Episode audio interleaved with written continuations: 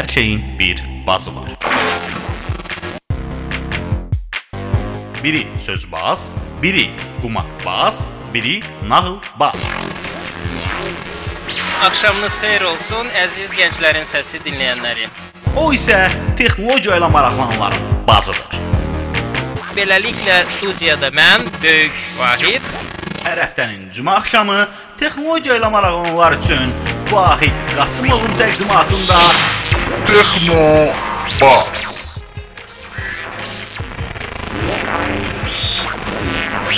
texnologiya ilə bağlı hər şey. Texnobazda.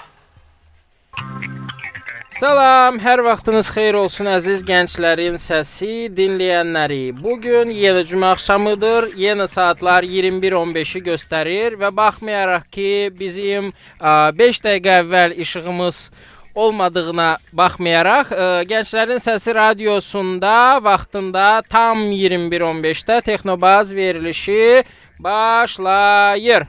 Bizi ilk dəfə dinləyənlərin nəzərinə çatdırmaq istəyirəm ki, Gənclərin Səsi radiosunun efirindəki Texnobaz verilişi texnologiya dünyasına marağı olan gənclərə dünyadakı texnologiyalar haqqında başqa heç bir yerdə məlumat ala bilmədiyiniz mövzularda məlumat verir və super maraqlı qonaqlarla sizi görüşdürür və super maraqlı mövzularda söhbətlər aparırıq. Bu həftənin və ümumiyyətlə bu günlərin bir neçə maraqlı ə, hadisəsi, texnologiya hadisəsi, ə, internet biznes, startaplar, yeni layihələrə ə, investorların tapılması, yeni layihələrin inkişafı, həyata keçirilməsi, internet layihələr vasitəsilə pulların qazanılması və s. ilə əlaqədar olan ə, hadisələr idi. Məs ona görə də bu mövzuya müəyyən bir aidiyyatı olan bir qonağı biz studiyaya dəvət eləmişik. Həmin qonağın adı Ayazdır. Hal-hazırda qabağımda oturub özünü təqdim eləyəcək və ondan sonra ə, söhbətimizə başlayacağıq. E, Mən təqdim edə bilərəm Vahid bəy. 100%. E, Quliyev Ayaz, e, Create e, agentliyinin e, təsisçisi və Startup Azərbaycan Təşkilat Komitəsinin üzvü. Create nə deməkdir? E, Create bizim e, digital agentliyin adıdır. Yaratmaq deməkdir, mənasını soruşursunuz. Hə. Nə yaradırsınız? E, digitalda ola biləcək interaktiv e, hər cür marketinq e, kampaniyası ola bilər. Belə deyə bilərəm, belə izah edə bilərəm. Heç nə başa düşmədim. Nə isə davam edirik. Ə, Mən sizə bunu ayrıca ayrıca başa salaram. Bu ə, hadisələr hansılar idi bu həftə və ondan əvvəlki həftə baş verənlər? E, bu hadisələr yəqin ki, siz Startup Azərbaycan keçirdiyi konfransı nəzərdə tutursunuz. Və ondan E, əvvəl də e, bundan əvvəl e, bundan əvvəl Nə? ancaq və ancaq öz ə, necə deyirlər, özünüzü maraqlandıran ə, konfranslarla maraqlanırsınız. Ondan əvvəl də ba Baramanın ə, keçirdiyi bir şey daha var idi. Haq, S haq. e, Bəli, bəli, hə, bəli. Belə bir. Ondan əlaqədar Hə, hansı xəbərlər var? Ümumiyyətlə izləməmisiniz. Eh, Digitalda ikən Xeyr, onun yox. xəbərlərini- O, o təəssüflər olsun ki, o tədbir barədə ətraflı məlumatım olmamışdı. Mən qatıla bilməmişdim onun üçün. No, yenə də o deməli ə, belə deyək də, yenə də maraqlı bir layihələrin üzə çıxarılması və daha sonra onun ə, həyata keçirilməsi üçün müəyyən ə, mü mümkün olan köməklərin ə, tapılması ilə əlaqədar idi. Ə, startupla əlaqədar bizim bir verilişimiz olmuşdu. Ə, hərçənd biz o zaman ə, Osman ə, müəllimlə danışırdıq o barədə. Ə, olduqca nəzəri bir ə, söhbət idi, çünki o vaxtı startup hələ start olmamışdı. Bəli. Artıq startup start olub. Start olduqdan sonra dəyişən nədir? Hansı hadisələr baş verib, hansı tədbirlər keçirilib və ümumiyyətlə nə vəd edir bunun start olması? E, ilkin olaraq e, bizim e, konfransımız keçirildi. Əslində bu bir növ e, həm e, müzakirələr, həm startaplarla bağlı belə deyək, təcrübəli startaperlər deməyim, artıq e, digital sahədə biznes sahiblərinin tövsiyələri dinlənildi. Mhm. Hər kəs öz fikirlərini verdi e, və bir növdə bu konfransla Startup Azərbaycanın e, tanıtımı tanıtımı oldu. E, yəni mətbuatda ən azından e, insanlar məlumatlandı ki, belə bir konfrans keçirildi. Bu konfransın e, məqsədi Startup Azərbaycanı bir növdə təqdim etmək idi. E, bundan sonra nəzərdə tutulan tədbirlərdə Qafqazda bir Qafqaz Universitetində tədbirimiz var. E, və digər silsilə tədbirlər var hansı ki, e, bunlar biraz e, keçirilən konfrans biraz daha çox rəsmi xarakter daşıyırdı, amma bundan sonrakı Qafqaz Universitetində keçiriləcək tədbir biraz daha sərbəst olacaq. Hansı ki, developerlər olsun, startapçılar olsun, bunlar öz fikirlərini rahat ifadə edə biləcəklər. Yəni. sözünü tez-tez eşidirik. Ta startup ümumiyyətlə nədir? Yəni startup, belə loru dilində desək. Ümumiyyətlə belə deyim, hansısa bir əslində bu .com bubble, yəni .com-un e, Nasdaq.com e, şirkətlərin e, Nasdaq birjasında birdən-birə e, səhmlərin aşağı düşməsindən sonra yaranmış bir anlayışdır. Startup e, hansısa bir biznesin, digital bir biznesin, e, daha çox digital sektorda məşğul olan bir anlayışdır. E, işin e, research development, yəni araşdırma və inkişaf mərhələsində olduğu e, dövrü e, adlandırırlar əslində startup dövrünü. Yəni bootstrap dövrü var, hansısa bir layihənin startup dövrü var. Startup əslində xüsusilə bu bu dövrü ifadə edən bir ə, e, sözdür. Yəni research and development mərhələsində olan işi izah edən bir e, sözdür. Nəzərə alaq ki, bizim radiomuz gənclərin səsi radiosudur və bizi dinləyənlərin çoxusu gəncdir. E, belə deyək, mən ola bilsin ki, gənc olmadığıma görə dediklərindən heç nə başa düşmədim. Amma ki mənə elə gəlir ki, mən əgər başa düşməmisənsə, gənclər daha da az başa düşüblər. Zəhmət olmasa bunu elə başa sal ginən ki, okay. normal küçədən keçən vətəndaş belə deyim, belə hansı ki, müasir Azərbaycanın e, normal universitetində oxuyur heç olmasa, ə, deyilənləri başa düşə bilsin. Ə, startup ə, odur ki, ə, hansısa bir ə, internetlə bağlı bir layihənin E, ilkin mərhələsi, yəni ki, hələlik e, biznes model nəzərdə tutulub, e, hələlik araşdırılır bazar, işə başlamısan, tutaq ki, internetdə nə isə satırsan, bu kitab ola bilər. Tutaq ki, bir sayt açıbsan, orada kitab satırsan, araşdırmısan bazarı, hələlik e, rəqiblərini yavaş-yavaş tanıyırsan. E, yəni e, işin tam e, formalaşmış biznes dövrü yox, başlanğıc mərhələsidir. Yəni biznesin digital bir e, rəqəmsal e, sahədə olan bir biznesin başlanğıc mərhələsi kimi e, deyə bilərəm startup sözünü. Yenə də başa düşmədim. Gəlin birlikdə e, Aha, bunu birlikdə, e, xırdalamağa çalışaq. Aha. E, söhbət deməli startap dediyimiz zaman müəyyən bir layihədən gedir. Bəli, müəyyən bir layihədən gedir. Ə, layihədən gedir. Həmin layihə ə, necə bir şeydir? Məsəl üçün mən ə, create olmasa da kreativ bir ə, e, gəncəm. Ağlıma ə, e, milyonlarla ideyalar gəlir. Hı -hı. Həmin ideyalar ə, e, tutalım ki, bəziləri mən fikirləşirəm ki, gözəl, uğurlu ideyadır. Bu startapdırmı? Ya, ideyanı əslində startap adlandırmaq doğru olmazdı. Çünki ideya e, yəni ideya ideyadır. Sadəcə olaraq e, tam araşdırılmamış, yəni onun hətta reallaşmağının mümkün olub olmamağı e, sual altındadır. Ona görə bunu startap tam olaraq startap adlandırmaq doğru olmazdı. Onu o vaxt startap adlandırmaq olardı ki, ən azından o e, bu işin e, bütün e, mümkün olan və olmayan tərəflərini aydınlaşdırıb hansısa bir kağızlı ən azından bir e, görünən e, bir materialı olsun əlində ki, e, bunu bu, bu şəkildə həyata keçiriləcək. Mənim qarşımda bu çətinliklər dəqiqə, bircə dəqiqə, bircə dəqiqə. Biz artıq o istiqamətdə gedirik ki, ideyanı startaplaşdırmaq üçün nə etmək lazımdır? Hı -hı. O sualı mən hələ vermədim.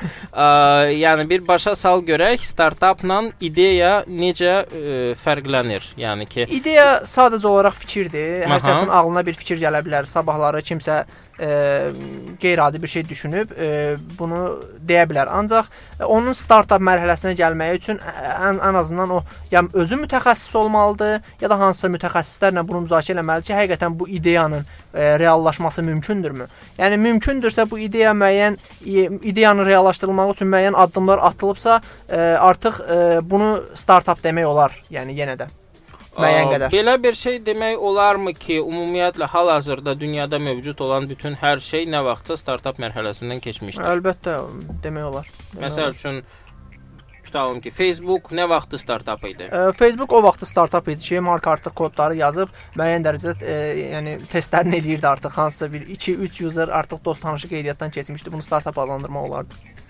Aha. Yəni ki, ortada nəsə bir şey artıq olmalıdır, Ha, yəni işləməli idi, mütləq- bəli, müəyyən bəli, nəticələr azından- verməlidir, o zaman startap olur. Yəni nəticələr deməyim, e, başlanıbsa işə ən azından işləyirsə bu, gözlə görüləcək, əllə tutulacaq bir şey varsa startap demək olar.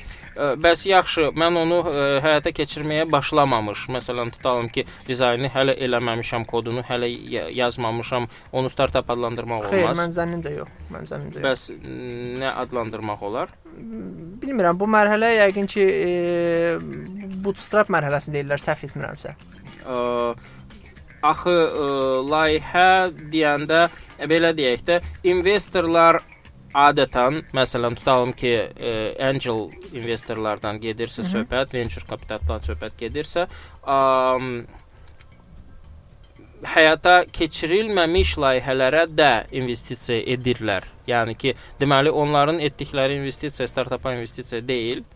Yox, əslində startapa investisiyadır demək də olmaz. Çünki e, məsələ burasındadır ki, e, yenə deyirəm, e, real bir şey əllə tutulacaq bir şey olmalıdır. Yəqin o insanlar öz fikirlərinin e, bütün e, tərəflərini e, aydınlaşdırıblar və o insana artıq müəyyən layihə şəklində bunu təqdim edirlər. Bu istər venture olsun, istər angel e, investor olsun. Təqdim edirlər ki, bizim layihə budur, bunun biznes modeli budur, gəlir modeli budur, bu belə olacaq, bu formada həyata keçiriləcək, bu işə həyata keçiriləcək, bu problemi hə həll eləyəcək e, və bu nəticəyə e, nəticədə də belə bir proyekt alınacaq. Bunu invest eləmək olar, amma quru bir fikri e, bu çox az hal haldır ki, quru bir fikri e, formalaşmamış bir fikri invest eləsin kimsə. Tak, yaxşı. Onda ə, o həmin o ə, belə deyək də qızıl suala gəlib çıxaq. Bir ideyam varsa, onu startap mərhələsinə e, deməyək, ən azından investorun qabağına çıxartmaq üçün nələr etməliyəm, e, hansı əməliyyatlardan keçməliyəm, hansı insanlara müraciət etməliyəm, nələr hazırlamalıyam, hansı sənədlər və s.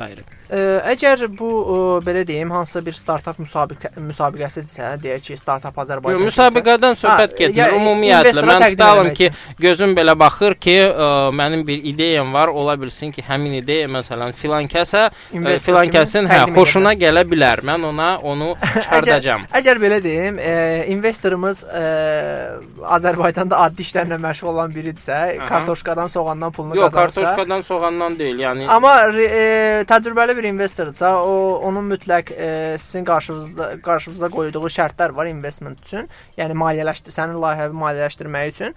E, bu şərtlərin ən önəmlisi e, büdcə planı, sən doğru büdcə planı hazırlamağındır. Maliyyə tərəfləridir məsələnin.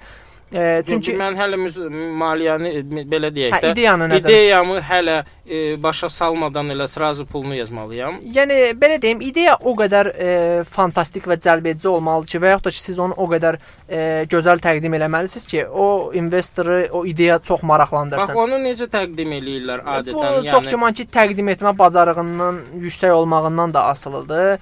E, problemləri və həlləri doğru e, təqdim etməkdən çox şey asılıdır. Yox, yəni Amma- ki mən bir ə, PowerPoint ə, təqdimatı hazırlamalıyam, yoxsa mən tutalım ki, ə, esse şəklində onu izah eləməliyəm, Yazmaq- yoxsa hansısa başqa formalar mı var? Okay, esse şəklində deməzdim. Bunu sadəcə olaraq e, PowerPoint təqdimatı şəklində, yəni doğru təqdimat e, hazırlayıb e, təqdim eləmək yetərli olardı. Yəni bir ideyanı təqdim eləmək üçün. Aha, sonra E, çox güman ki, bundan sonra həmin ideyanı investor bəyəndikdən sonra sizə müəyyən suallar ünvanlandıracaq. Bu suallarda e, ilk ilk növbədə sizin e, maliyyələşmə məsələsidir. Lazım olan büdcədir. Lazım olan büdcəni çox dəqiq e, müəyyənləşdirmək lazımdır. Bir çox investorlar məsəl üçün sizin şəxsi maaşları falan qarşılanmır. Bu e, startap Azərbaycan konfransının mövzusunda da belə bir fikir var idi ki, özümə maaş yazmaq. Yəni investordan pul alıram, deyək ki 100 min Mhm. e, və özümə də oradan maaş yazıram ki, bu bu xərcləri də qarşılamaq falan. E, əslində siz nə qədər xərcləri minimum götürsən, e, göstərib e, layihənizi reallaşdırmaq istəsəniz, investora bu daha çox maraqlıdır. Nəyə görə investor artıq düşünür ki, siz ondan pul yemək yox, e, layihənizə inanıb layihəni reallaşdırmağa çalışırsınız. E, bu şeyi mən öz təcrübəmdən deyirəm, həm hər zaman görmüşəm, yəni buna çox diqqət eləyirlər. E, amma digər tərəfdən e, sırf e, layihəni maliyyələşdirsin deyə investora nə isə təqdim eləməyə gəlsə, yəni PowerPoint ideyamızı doğru təqdim edib Burada ondan bir dənə də problem ortaya çıxır. Yəni həmin problem e, başqa e, yerlərdə də var idi. Məsələn, e, elmi araşdırmalara ə, dəstək verən fondun şərtlərində də belə bir şey var idi ki, onlar elə maaş fondunu maksimum ə, verilən investisiyanın və ya qrantın 20% olaraq tutalım ki, ə, maliyyələşdirirdilər. Ə, və burada belə bir ə, ikili ideya ortaya çıxır, e, vəziyyət ortaya çıxır. Əgər bu elmlə əlaqədar və ya əgər bu texnologiya ilə, internetlə əlaqədar bir layihədirsə, bunun məsrəfi nə ola bilər ki, mən özümə hələ maaş da yazmasam və ya ümumiyyətlə proqramçıya da maaş yazmasam, dizaynerə də maaş yazmasam, onda bunun xərci nədir? Yəni investor bunun nəyinin qarşılayacaq? Ə, belə Mənim oturduğum stulun pulunu mu verəcək, yoxsa qabağımdakı kompüterin pulu mu? Yəni mən bununla məşğul olan insanamsa, məndə onsuz da stul da var, kompüter də var, internet də var. Ə, tamamilə razıyam, amma məsələ burasındadır ki, ə, əgər biz xərcləri çox yüksək tuturuqsa, ə, ilk növbədə biz onu bilməliyik ki, biz bu layihənin harasındayıq. Biz bu layihədə hansı rolu oynayırıq? Əgər layihəni özümüz ə, deyək ki, marketinq tərəfini həll eləyəcəksə, bu investor üçün böyük bir plusdur ki, sizin layihəni invest eləsin. Yəni ki, mən bu layihədən bu qədər xərc tutaq ki, endirim eləyirəm ki, yəni bu qədər xərc məs məsrəfi azaldıram ki, e, layihənin bu tərəfini mən həll eləyəcəm. E, digər tərəflər əlbəttə mümkün olmayan, yəni on, onu kənardan mütləq cəlb eləməlisinizsə, bunun developing, məs yəni proqramlaşdırma tərəfidir, e, dizayn tərəfi olsun, e, bazara tanıdılma tərəfi olsun, nə bilim idarə etməsi. Doğru idarəçi deyilsinizsə, əgər bu işi bilmirsinizsə, mütləq siz bir idarəçi e, şey eləmə, yəni e, ayarlamalısınız, yəni dəvət eləməlisiniz. Bunların hamısını xərc olaraq göstərməlisiniz, amma müəyyən ideyanın e, öz yerinizi o ideyada, o layihədə öz yerinizi bilməlisiniz və o yeri yəni nə qədər daha çox en, aşağı salsanız məsrəfləri bu böyük e, məncə Ola üstünlüyü. bilməz ki, ideyanın müəllifinin ümumiyyətlə layihənin içərisində Heç yeri bir rolu olmasın. olmasın. Hə. E, investor üçün Məsələn, adam ideya e, fikirləşir, amma ki, project managementlə tutmuş, nə bilim, nədən görə marketinqə qədər, hə, başqa insanları kənardan cəlb eləmək istəyir. Amma ə, kənardan cəlb eləyə bilər, amma investorlar üçün ən böyük diqqət olunması məsələlərdən biri də odur ki, bu adam həqiqi mənada, yəni layihə sahibi olsun deyək. E, bunun e, bu günə qədər e, yəni nə nə aktiviteləri, nə aktivlikləri olub e, bu sahədə. Əgər heç bir aktivliyi olmayıbsa və Yəni o- bu adam ancaq gözəl ideyalar fikirləşir. Hə, ancaq bu gözəl azdır. e, gözəl ideyalar fikirləşirsə, o yəni adamın pul insana verilir yoxsa ideyaya verilir? E, pul- Yəni baxacaqlar ki, hə, adam mənim tanışımdır, mən buna pul verirəm. O, yoxsa yo- baxacaqlar ki, həm- maraqlı həm- ideyadır, buna pul vermək həm olar. ideya yaxşı olmalıdır, həm də o adamın potensialı çox önəmlidir ki, o adam həqiqi mənada bu ideyanı reallaşdıra biləcək İnsan ya yox. əgər timdə, takımda, yəni ki, şeydə, komandada yer almırsa, adamın potensialı burada nə kimi rol oynayır ki? Onun idarəçi potensialı çox önəmlidir. Yəni doğru yəni şəxsləri bu adam seçmək. idarə eləmir. Bunun project managementi var. Ha, heç bir işi görmür. var. Ümumiyyətlə ideyanı düşünür və kimlərsə e, cəlb eləyir. Bəli. Ha, idarəçini belə kənardan cəlb Təbii eləyir. ki. E, yəni belədirsə adam ideyanı satıb çıxsa daha yaxşıdır. e, çox güman ki də hər bir e, yəni böyük bir e, yəni faizi investorların, yəni 5-6 investora gedirsə, əksəriyyəti o ideyanı almaq istəyəcək sadəcə. Çünki o adamı orada ideyada saxlamağın heç bir əhəmiyyəti yoxdur deyə düşünürəm. Ha, okey. Amma ki yenə də ideyanın satılması Sata bilər, kimi bir şey var. bilər. Ə, o onda bunu startap adlandırmaq mümkündürmü, yoxsa onun başqa bir elmi adı var? Məsələn, o bax- ideya alveri və ya nə bilim ideya birjası. Belə bir belə bir situ e, yəni situasiya, belə bir təcrübə görməmişəm. Yəni mən özüm rastlaşmamışam. E, amma yəqin ki o müəyyən dərəcədə hazır olduqdan sonra onu yenə dediyimiz kimi startap adlandırmaq olar. Amma bu sadəcə olaraq ideyadır. Elə bunun adını ideya desək məncə yaxşı qızışmışıq deyə fikirləşirəm. Bir balaca soyumağın vaxtı gəldi. Ona görə biz bir mahnıya qulaq asaq, ondan sonra söhbətimizə davam edərik.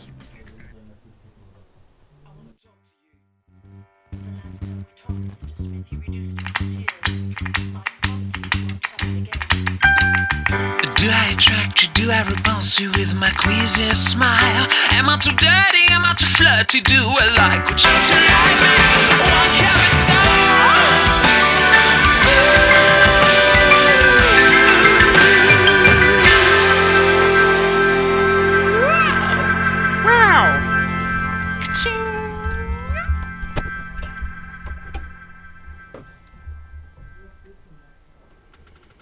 Maraqlı səslərdən sonra söhbətimizə ə, davam edirik. Ə, deməli startaplar haqqında danışırdıq, e, ideyalar haqqında danışırdıq, layihələr haqqında danışırdıq, pul haqqında danışırdıq və Tural Abdullayevdən ilk sual gəldi. Deyir ki, məsələn, mən bu layihələrə investor kimi necə qatıla bilərəm? Yəni birinci investor tapılıb. Nə etməlidir adam? Ə, məncə o özünü investor kimi tanıtmalıdır. Ən önəmlisi budur. Çünki onun heç kim, yəni heç kimin xəbəri yoxdursa, o kəs investordur. Deyir, adını da yazıb Tural Abdullayev. E, onda məncə Tural bəy özü bir bloq açsın. Ə, mümkün olacaq minimum şeyə deyirəm. Bir bloq açsın, investment haqqında yazsın. Əgər ə, layihələri invest eləmək istəyirsə, invest eləmək istədiyi layihələr haqqında yazsın ki, nə tipli layihələr invest eləmək istəyir və s. Baho, yəni investor bu qədər əziyyət çəkməlidir. Yəni Yəni, mütləq- həm pul verir, həm də ki, bloq açmalıdır, nəsə məqalə Yəni nəticədə yazmalıdır. nəzərə alsaq ki, investor pul qazanacaq bu məsələdən, e, məncə Bəlkə qazanmadı. Yəni startapın konfransında belə bir statistika səsləndi ki, investment olunan 10 layihədən biri ancaq gəlir Bəli, bəli, gətirir və razı. öz pulunu çıxardır. Ə, əslində ə, ə, venture kapital şirkətləri onların strategiyası belədir ki, Venture kapital nə deməkdir? venture İki kapital dəfə istifadə elədik bu sözdən. Bu Hə, yazıq amma bu- anlayış e, vermədik venture kapital. Venture Aha. kapital belə deyim, bir şirkətdir, hansı ki başqalarının pullarını yığır və deyir ki, sizin pullarınızı artıracağıq.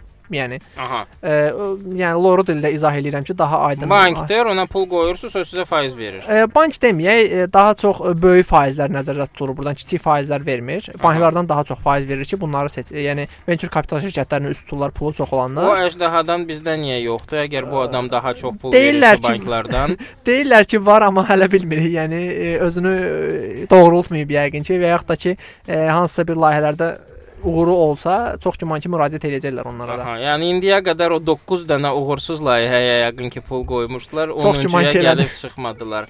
Ümumiyyətlə Azərbaycanda uğurlu layihə varmı IT sektorunda? Nə fikirləşirsən? Yəni uğurlu layihə yerli bazar üçün nəzərdə tutulmuş Hə. layihədən deyiriksə, nə bilim, bu dəqiqə hazırda ağlıma gəlmir. Yəni böyük bir biznes modeli olan layihə deyim. Mhm. Amma layihələr var əlbəttə. Demək olar uğurlu layihələr var düşünürəm. Amma bu gün yəni bu dəqiqə hazırda Onlar necə həyata keçirilib? İnsanların öz cəhdləri ilə məsələn ə, maaş istəmirəm, fədakarlıq Çox üzərində ki- öz cibimdən maliyyələşdirirəm və s.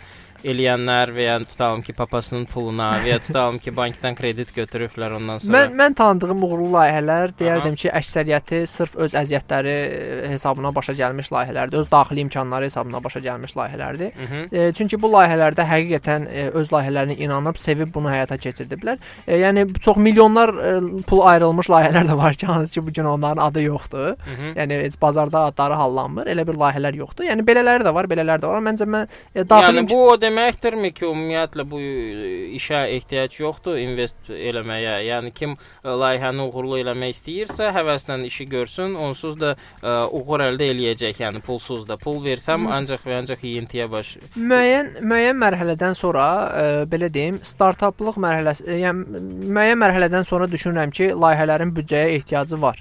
E, Hansı çünki mərhələdən sonra e, bu tutaq ki, startap quruluş mərhələsini keçdi, müəyyən e, userlar cəlb elədi, artıq aktivlik var, istifadə olunur, pul müəyyən dərəcədə pul gəlir və sən hədəfləyirsən ki, tutaq ki, Azərbaycanda bu doğru doğruldubsan bunu. Düşünürsən ki, Gürcüstan bazarına girmək və Gürcüstan bazarına sənin deyək ki, 5 dənə rəqibin var. Aha. Və bu 5 dənə rəqiblə sən baş-başa gəlməyin üçün, onlarla rəqabətə girməyin üçün müəyyən dərəcədə sənə reklam büdcəsi lazımdır. Aha. E, çox güman ki, e, e, mən belə düşünürəm. Əgər sən tərəfdaş tapsan, bu bu layihənin Gürcüstan versiyası üçün Gürcüstandan bir investor tapsan, tərəfdaş Aha. tapsan, e, o öz kanallarını həm sənin üçün istifadəyə verər, öz imkanlarını, öz networking, yəni öz əhatəsini tutaq ki, tanıdıqlarını. Çünki layihəni eləmək üçün sən hansısa bir ölkənin bazarına girirsənsə, o ölkə bazarında e, nə qədər əhatən böyük olsa, o qədər sən uğurlu olarsan.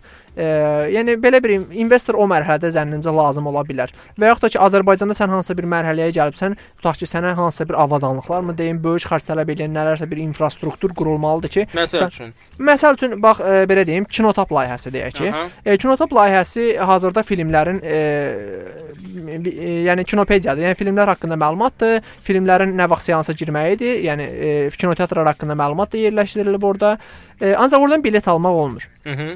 Müəyyən dərəcədə məsəl üçün burada e, düşünürəm ki, investor e, cəlb olunsa, tutaq ki, e, o infrastruktur qurulsa, e, əlbəttə daha gəlirli bir layihəyə çevrilə Hansı bilər. infrastruktur? E, belə bir infrastruktur qurula bilər ki, hazır klient proqramlar yazıla bilər, hansısa bir devicelar verilə bilər ki, tutaq ki, bu kino kinoteatrlara e, onlar onu öz sistemlərinə inteqrasiya eləyib müəyyən e, şəkildə bunu kinotapda artıq e, biletin satışını həyata keçirmək mümkün eləyə bilərlər Məncə onun üçün internetin mövcudluğu kifayətdir. İnternet də onsuz da kinoteatrların olduğu yerdə var. Amma bir məsələni nəzərə alaq ki, kinoteatrların e, yəni o, o, onlar bu dəqiqə hazırda öz kanalları ilə bunu satmağa çalışırlar deyə e, sizin onlara ikinci bir e, yol deməyimiz ki, deməyimiz ki, girin internetdən baxın. Bir də bir məsələ var. Onlar orada offline bilet satırlar və mən onlayn girib falan yeri işarələyib o bileti alıramsa, burada biraz conclusion qarışıqlıq yaranır. Yəni Yəni burada avadanlığa əslində yox, anlaşmağa biraz ə, ehtiyac var. Ya həm anlaşmaya, həm də ki onların hə- hər kinoteatrının pra fərqli e, proqramları var. Əş eləsi var ki, özü yazdırıb bunu daxildə, öz daxilinə uyğunlaşdırıb. Eləsi də var ki, xaricdən hansısa bir təcrübə, yəni təcrübədən keçmiş bir proqramı alıb gətirib öz sisteminə quraşdırıb bilet satışı üçün. Məncə bunlar e, fərqli-fərqli olduğu üçün sən onlar üçün konkret bir ümumi sistem təklif eləsən, o sistemi onlara yazdırıb versən ki, bu daha idealdır, həm sənin bilet satışını rahatlaşdırır, həm bizim onlayn tərəfini həll eləyir. Yəni sənin e, həm öz kanalınla bunu satmaq, onlayn satmaq məsələvi həll eləyir, həm də bunu kinotapa qoşmaq e, tərəfdən məsələni həll eləyir. Yəni məncə belə bir təklif olsa daha e, onlar e, yəni baxa, yəni müsbət baxarlar bu məsələyə. Biz hal-hazırda konkret ə, startapı təhlil eləməyə başladıq. Mənə elə gəlir ki, o dərəcədə ə, necə deyirlər, dərinləşməyə ehtiyac yoxdur. Belə deyək, burada ə, ideya fikirləşən və startap ə, həyata keçirməyə çalışan insanlarla ə, investorlar arasında bu məhz startap azın hansı funksiyası var? Hansı məqsədlə bu tədbirlər keçirilir? Startup az, e, belə deyim, bu günə qədər bir çox müsabiqələr e, olub, yəni 1-2 belə, e, bəlkə də 3 müsabiqə olub, yəni bildiklərimi deyirəm. Hı -hı. E, bu müsabiqələrin problemi o olub ki, e, mənim layihəmə bu qədər büdcə lazımdır. İ müsabiqənin qalibi Əli oldu. Əliyə verdik e, 3000 manat tutaq ki, Hə, Əli, halal olsun sənə get işini gör. İ, Əli işini görə bilməz o 3000-dən, çünki o 3000 onun e, layihəsinin büdcəsi deyil, yəni. Ə, Əli əslində 20 min istəyirdi, amma ki onu 3000 verdilər, birinci yerə çıxartdılar, yola saldılar, getdi. E, bu bu problemdir əslində. E, e, bəlkə də Əliyə daha investorlar cəlb eləmək üçün dəstək olunsaydı, bu daha yaxşı olardı. Bəli. Əliyə məsləhət verilsəydi, mentorluq olunsaydı ki, Əli bax layihənin e, bu tərəfi zəifdir, bunu bu cür formalaşdır, e, bu cür dəyiş ki, bunu investora bəyəndirə biləsən və yaxud da ki, bizim tanıdığımız investor var, gəl bundan danış. E, əslində startap Azərbaycan bütün bunları e, qrup halında həll eləyir. E, belə həll eləyir ki, siz layihənizlə müraciət edirsiniz, sizin layihə ekspert tərə tərəfindən dəyərləndirilir. E, dəyərləndiriləndən sonra artıq ə, müəyyən seçimlər olur. O seçimdən müəyyən sayda layihə artıq ə, müsabiqədə iştirak eləyir. Ə, yəni əslində hər bir müraciət olunan layihə moderasiyadan keçdikdən sonra sayta qoyulur. Bu doğru, amma ə, artıq ə, müəyyən yarım final, final mərhələlərini mən nəzərdə tuturam, seçimləri nəzərdə tuturam. Hı. Ekspertlər bunu seçib ə, təqdim edəndən sonra sonda deyək ki, 5 layihə qalib olaraq elan olundusa, finala gəlib çatdısa, ə, bunlara ə, kiçik yenə o simvolik dediyim o 3000, 5000, 2000 bəlkə də mümkün olacaqdı, yəni vermək. Amma ən önəmli startap Azərbaycanın həll elədiyi məsələ odur ki, biz onu çox geniş bir ə, mentor mentorlarla, həm xarici xaricdən gəlmiş mentorlarla Mentor nə demək? Mentor çox doğru sual idi. E, mentor məsləhətçi. Mentor e, tutaq ki, e, bu start e, startap deməyim, digital sahədə sizin layihəniz, e, əslində biz digital sahədən elə bəhs eləyirik, rəqəmsal sahədən, yəni internet onlayn ilə bağlı bir e, layihələrdən söhbət eləyirik. E, bu sahədə e, təcrübəli şəxsdir mentor. Sənə doğru yol göstərir. Hansı ki, mentor kimlərinsə e, elədiyi müəyyən layihələrin elədiyi müddətdə elədiyi səhvləri, düzləri bilir. E, bu sahədə təcrübəlidir və sənə məsləhət verir. Bu məsləhəti sənə pul qarşılığında verir ancaq. Yəni müəyyən saat hesabın bu Amerikada, Avropada müəyyən saat hesabı ilə aparılır. Mentorun sənə məsləhət e, saatı var. E, O o saat e, müqabilində səndən ödəniş alır. E, və startap Azərbaycan həm yerli, həm yerli belə deməyim, yəni çünki yerli mentor e, anlayışı biraz formalaşmayıb, amma e, mövcud həm də bunu həll eləməyə qarşımıza məqsəd qoymuşuq ki, artıq startap Azərbaycanın ilk tədbirindən sonra artıq Azərbaycanın mentor anlayışı formalaşsın və mentorlar yaransın. Və biz həm yerli, həm də ki, xarici mentorlarda bu məsələyə cəlb eləyəcəyik. O sizin e, layihə üçün həm məsləhətlərini verəcək, həm sizi yönləndirəcək. Yəni yaransın yoxsa peyda ol, e, daha doğrusu üzə çıxsın. Üzə çıxsın daha doğrusu. onun- Çünki yaransın əslində var, doğrudur. E, üzə çıxsın, yəni Yəni Mhm. əslində bu yəni mövcuddur. indi bu dediklərini tərcümə eləməyə çalışıram biraz yenə də bizim cavanlarımız üçün. Ə, Sizin ideyanız varsa, bunu startaplaşdırmaq üçün ə, sizə lazım olan məsləhətləri ə, vermək üçün ə, xüsusi adamlar ayrılır. Bu adamların adı mentormuş. Ə, yəni nəyə görə onları məsləhətçi adlandırmaq olmaz bilmirəm. Əslində olar. Yəni prosta mentor belə deyək, mentor ə, tanı bilinən bir Və hə, həmin ə, məsləhətçilər də sizə müxtəlif istiqamətlərdə kömək göstərməyə Bəli, bəli. hazırdılar. Həm layihəni gözəlləşdirmək üçün, həm onu ə, tutalım ki, investorun qabağına çıxartmaq üçün nələrin edilməsi lazımdır. Doğru. Həm o ediləcək ola bilsin ki, addımlarda müəyyən bir köməklik göstərəcəklər. Məsəl üçün, ə, belə deyək də, investorun qabağına çıxartmaq üçün bayaq aydınlaşdırdıq ki, bir PowerPoint ə, təqdimatı hazırlamaq kifayətdir. Onu tutalım ki, ə, investor onu Yəni birbaşa ona investor mu baxacaq, yoxsa hansısa ə, jüri heyəti var, yoxsa hansısa nə bilim ə, başqa bir Ə, razıyam, amma startap Azərbaycanda buna birbaşa investor baxan deyil və Aha. sizin ə, hər hansı bir ə, PowerPoint hazırlamağınıza da ehtiyac yoxdur. Ə, ilk növbədə siz ə, sadəcə olaraq qeydiyyatdan keçib layihəniz haqqında qısa bir giriş yaza bilərsiniz. Ə, hansı ki bu sizə orada da qeyd olunur ki, bu public, yəni hər kəs ictimai ə, ictimai tərəfindən görüləcək bir mətn Amma olacaq. onda o çox-çox qısa bir şeydir Hə, və qısa- ondan da bir şey başa düşmək olmayacaq. Hə, yəni müəyyən dərəcədə ən azından e, qısaca bir nümunə ilə necə hansısa bir şəkildə bu izah eləməlidir ki, o müsabiqə moderasiyadan keçsin, qəbul olunsun e, və əgər e, belə deyim, e, tutaq ki e, Qəbul olundu, ondan sonrakı addım qəbul, nədir? qəbul olundu, ondan sonrakı addım artıq o insandan daha detallı məlumat istəniləcək, müəyyən bir forma olacaq. Artıq o detallı formanı doldurub bizə göndərəcək. E, bizə deyəndə st- startap təşkilat komitəsinə, startap ekspertləri üçün, e, Mhm. yəni startap Və Azərbaycan onu kim görəcək məsələn E, bunu formanı? bu, bu bu formanı moderasiyadan keçmiş e, ekspertlər ekspertlər görəcək. Yəni moderasiyadan keçəndən sonra Aha. e, o ya ikinci mərhələni nəzərdə tuturuq biz artıq. Yəni orada qısa girişi yazır, qəbul olur. Ondan sonra artıq adam geniş bir forma doldurur. E, bir sonrakı mərhələ artıq onun biznes plan e, Yox, forması. yəni mən konkret sual verdim. O geniş formanı kim görəcək? Nəyə Təşkilat görə sualı verirəm? Çünki bəzi insanlar, məsələn, onlarda belə bir qorxu var. Deyir ki, mən ideyamı tam olaraq açacağam, ondan sonra onu oğurlayıb özləri eləyəcəklər. Pullar da onsuz da özlərindədir. Yəni ki, bu cür qorxuların nə kimi, bunlar nə kimi yeri var bunların və ümumiyyətlə Məncə- yersizdir. Məncə ə, bu belə qorxular yersizdir. Vaxtilə mənim özümdə də belə bir qorxular olub ki, hansısa bir investora gedərəm, o məndən daha güclüdür, həmən daha böyük imkanlar var, həmən bunu reallaşdırar və s. Məncə belə qorxular yersizdir. Nəyə görə? Çünki e, orada olan şəxslər ə, yəni müəyyən bu sahədə uzunmüddətli təcrübəsi olan və adı ə, olan güvən ə, yaratmış şəxslərdir düşünürəm.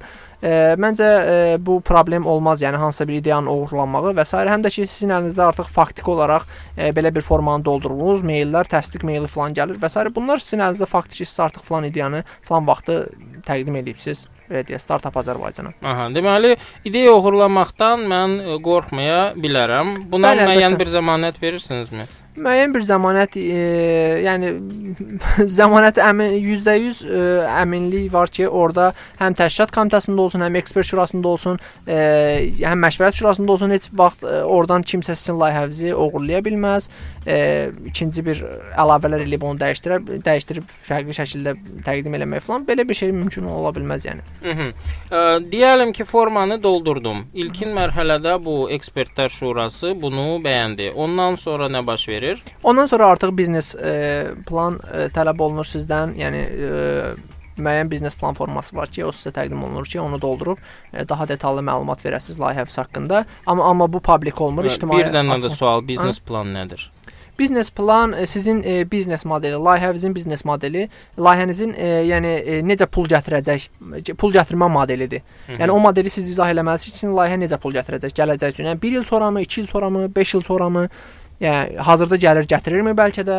Yəni Onda belə bir sual, o deməkdirmi ki, burada ancaq və ancaq bilavasitə pul gətirən ə, layihələr iştirak edə bilər. Məsələn, bu bir sosial layihədirsə, çox maraqlı və ictimaiyyətə xeyri olan, amma ki, tutalım ki, gəliri nəzərdə tutmayan Bə- layihədirsə, mən bunu heç kim dəstəkləməyəcək. Mən buna ə, tək başına ə, hə ya da yox deməzdim, çünki təşkilat komitəsi buna qərar verə bilər. Hı -hı. Ancaq çox güman ki, ə, burada əslində ən əsas biznes modeli olan layihələr. Yəni heç mi elə bir investorumuz yoxdur hansı ki, Sosial deyəlim ki, hə, Hacı Zeynalabdin kimi məsələ bir xeyir iş görsün. Mən e, belə, yəni dostlarımdan birinin təcrübəsini deyə bilərəm. E, o bu yaxınlarda hansısa bir sosial layihəsi üçün, yəni daha doğrusu bu la- layihə fəaliyyətdə idi. Könüllülük layihəsi idi. Bu sırf könüllülərlə bağlı bir e, bazadır. Yəni siz könüllü axtarırsınızsa və yaxud da siz könüllü olmaq istəyirsiniz, tələbəsiz, yəni könüllü olmaq bir növdə bir e, öz e, yəni sosial məsuliyyətindən qaynaqlanır.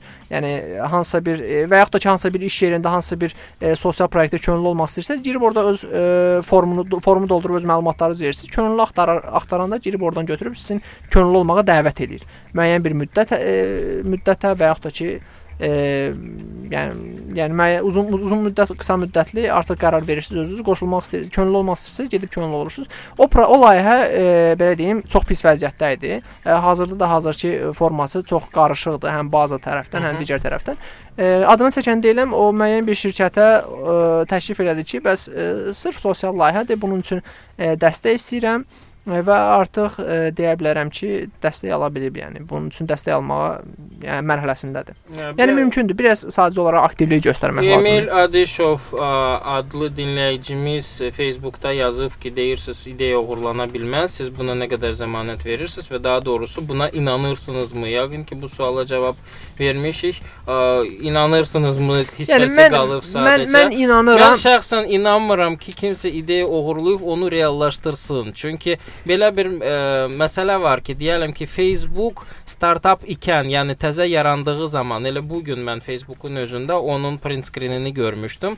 Baxıb görürsən ki, tamamilə ə, başqa görünüşdə və tamamilə başqa mahiyyətdə mahiyyətdə olan bir layihə idi. Beləliklə onu startap ə, zamanında, daha doğrusu startap mərhələsində ə, onun biznes planını kimsə götürsəydi, mən heç inanmıram ki, 6 il sonra o onu həmin ə, vəziyyətə Formada gətirib gətirə çıxardacaqdı. Onun Razı. üçün ə, təkcə ideyanı oğurlamaq azdır və bu heç bir şey demək deyildir. Yəni bir ə, ideya müəllifi hər zaman onun gələcək planlarını fikirləşir və ola bilsin ki, qabaqcadan görməyə bilər. Sonra iş prosesində onlar inkişaf edir. Məsələn, ə, deyəlim ki, ə, Facebookun klonu olan minlərlə, bəlkə milyonlarla sayt var idi, amma onların heç biri populyarlıq, bəli, Hətta MySpace-i tez-tez göstərirlər ki, Facebookdan nümunə çəkirlər ki, bəs Facebookdan daha əvvəl MySpace kimi bir social network mövcud Aha. olub. Yəni olsaydı bu xüsusi bir ideya deyil, olsa elə MySpace sözü uğurlu olardı. Amma ideyanın o MySpace zamanında kifayət qədər uğurlu idi. Yəni bu qədər Facebook qədər e, boom yaratmamışdı. Yəni Facebook qədər artıq e, geniş bir kütləyə xitab eləmir. Facebook az bir müddətdə e, yəni bütün dünyada məşhurlaşmağı bacardı yəni. Prinsipcə hə.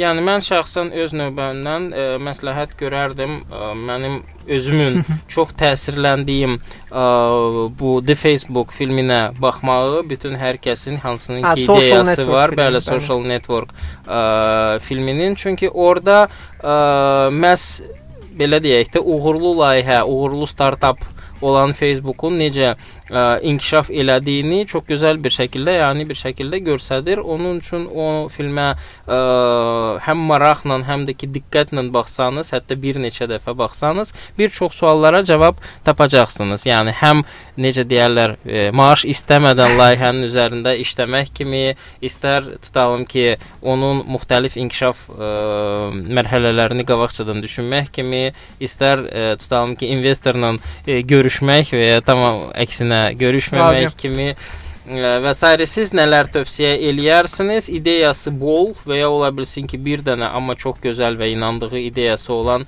cavanlara onu necə startaplaşdırsın, startapaza qatılsınmı? Alternativlər varmı və ümumiyyətlə nə etmək lazımdır? Mən e, tövsiyə eləyərdim ki, ideyası olanlar e, qorxmasınlar. Yəni ideyanı kimlərəsə danışmağa, təqdim eləməyə qorxmasınlar. Nə barədə? Çünki e, sən bu ideyanı heç kəsə danışma, danışmadığın təqdirdə, heç bir investora təqdim eləmədiyin təqdirdə bu onsuz da e, uzun bir müddət ideya olaraq qalacaq və e, üstündən 3 il, 5 il keçəcək. Artıq görəcəksən ki, sənin bu ideyanı kimsə e, forma reallaşdırıb artıq Ya da aktuallığını itirib. Ya da aktuallığını, hə, o dövr üçün aktuallığını artıq itirib. Yəni ideyanı təqdim eləməkdən heç vaxt qorxmaq lazım deyil. Digər bir tərəfdən də ideyanız varsa mütləq bunu, e, yəni deyək ki, qorxursunuzsa ən azından ətrafınızda olan insanlarla, yəni e, bölüşün. Çünki mənim belə bir ideyam var, səncə belə bir saluş, belə bir həll olsa, belə bir tutaq ki, tətbiq etməmi, belə bir saytmı, belə bir xidmətmi mövcud olsa Bəs internetdə. hal-hazırda Hal-hazırda məsəl üçün sizin mentorlar var ha, hansı ki startap bazdadır, siyahısı Bəli, bəli. verilib.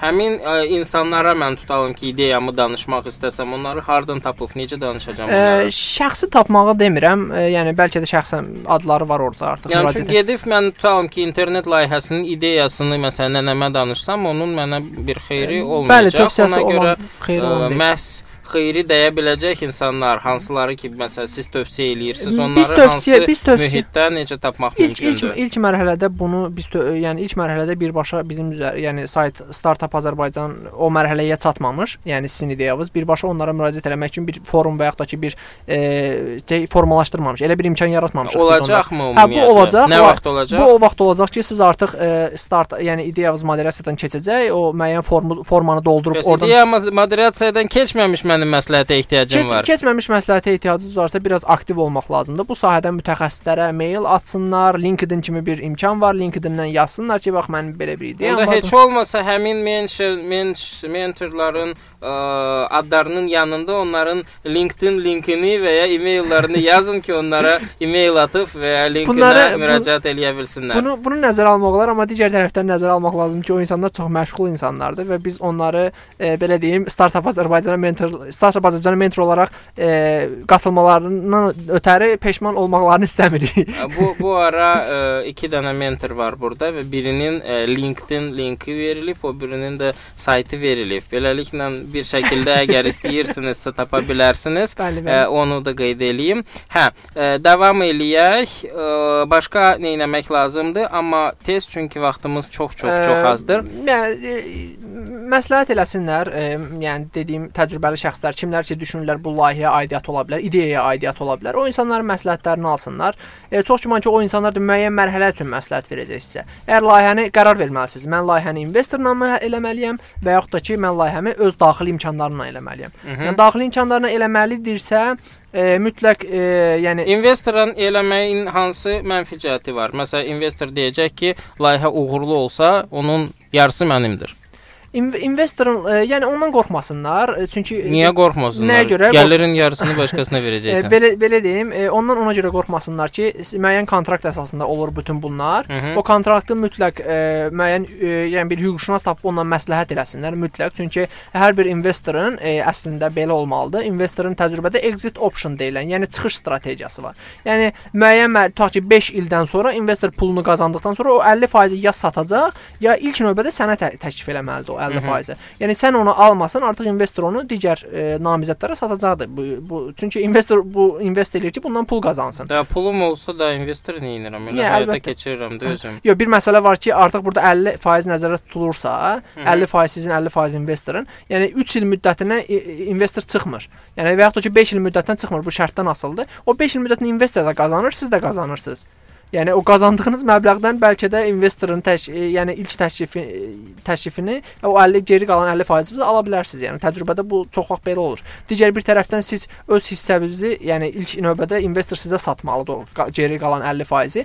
Siz Mənə elə gəlib ki, bu çox qarışıq məsələdir. Bəli, Ə, bəli, Biz bəli. nə vaxt bu ə, sahədə ağ günə çıxacağıq bilinmir, amma yenə də ə, necə deyirlər, heç olmasa girişdiyinizə görə ə, həm ə, səbir, həm də ki uğurlar diləyirəm. çox sağ olun.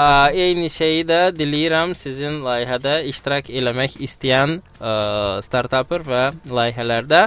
Ümumiyyətlə hər kəsə uğurlar diləyirəm və bu günlük sağollaşırıq. Özünüzə yaxşı baxın. Gecəniz xeyrə qalsın.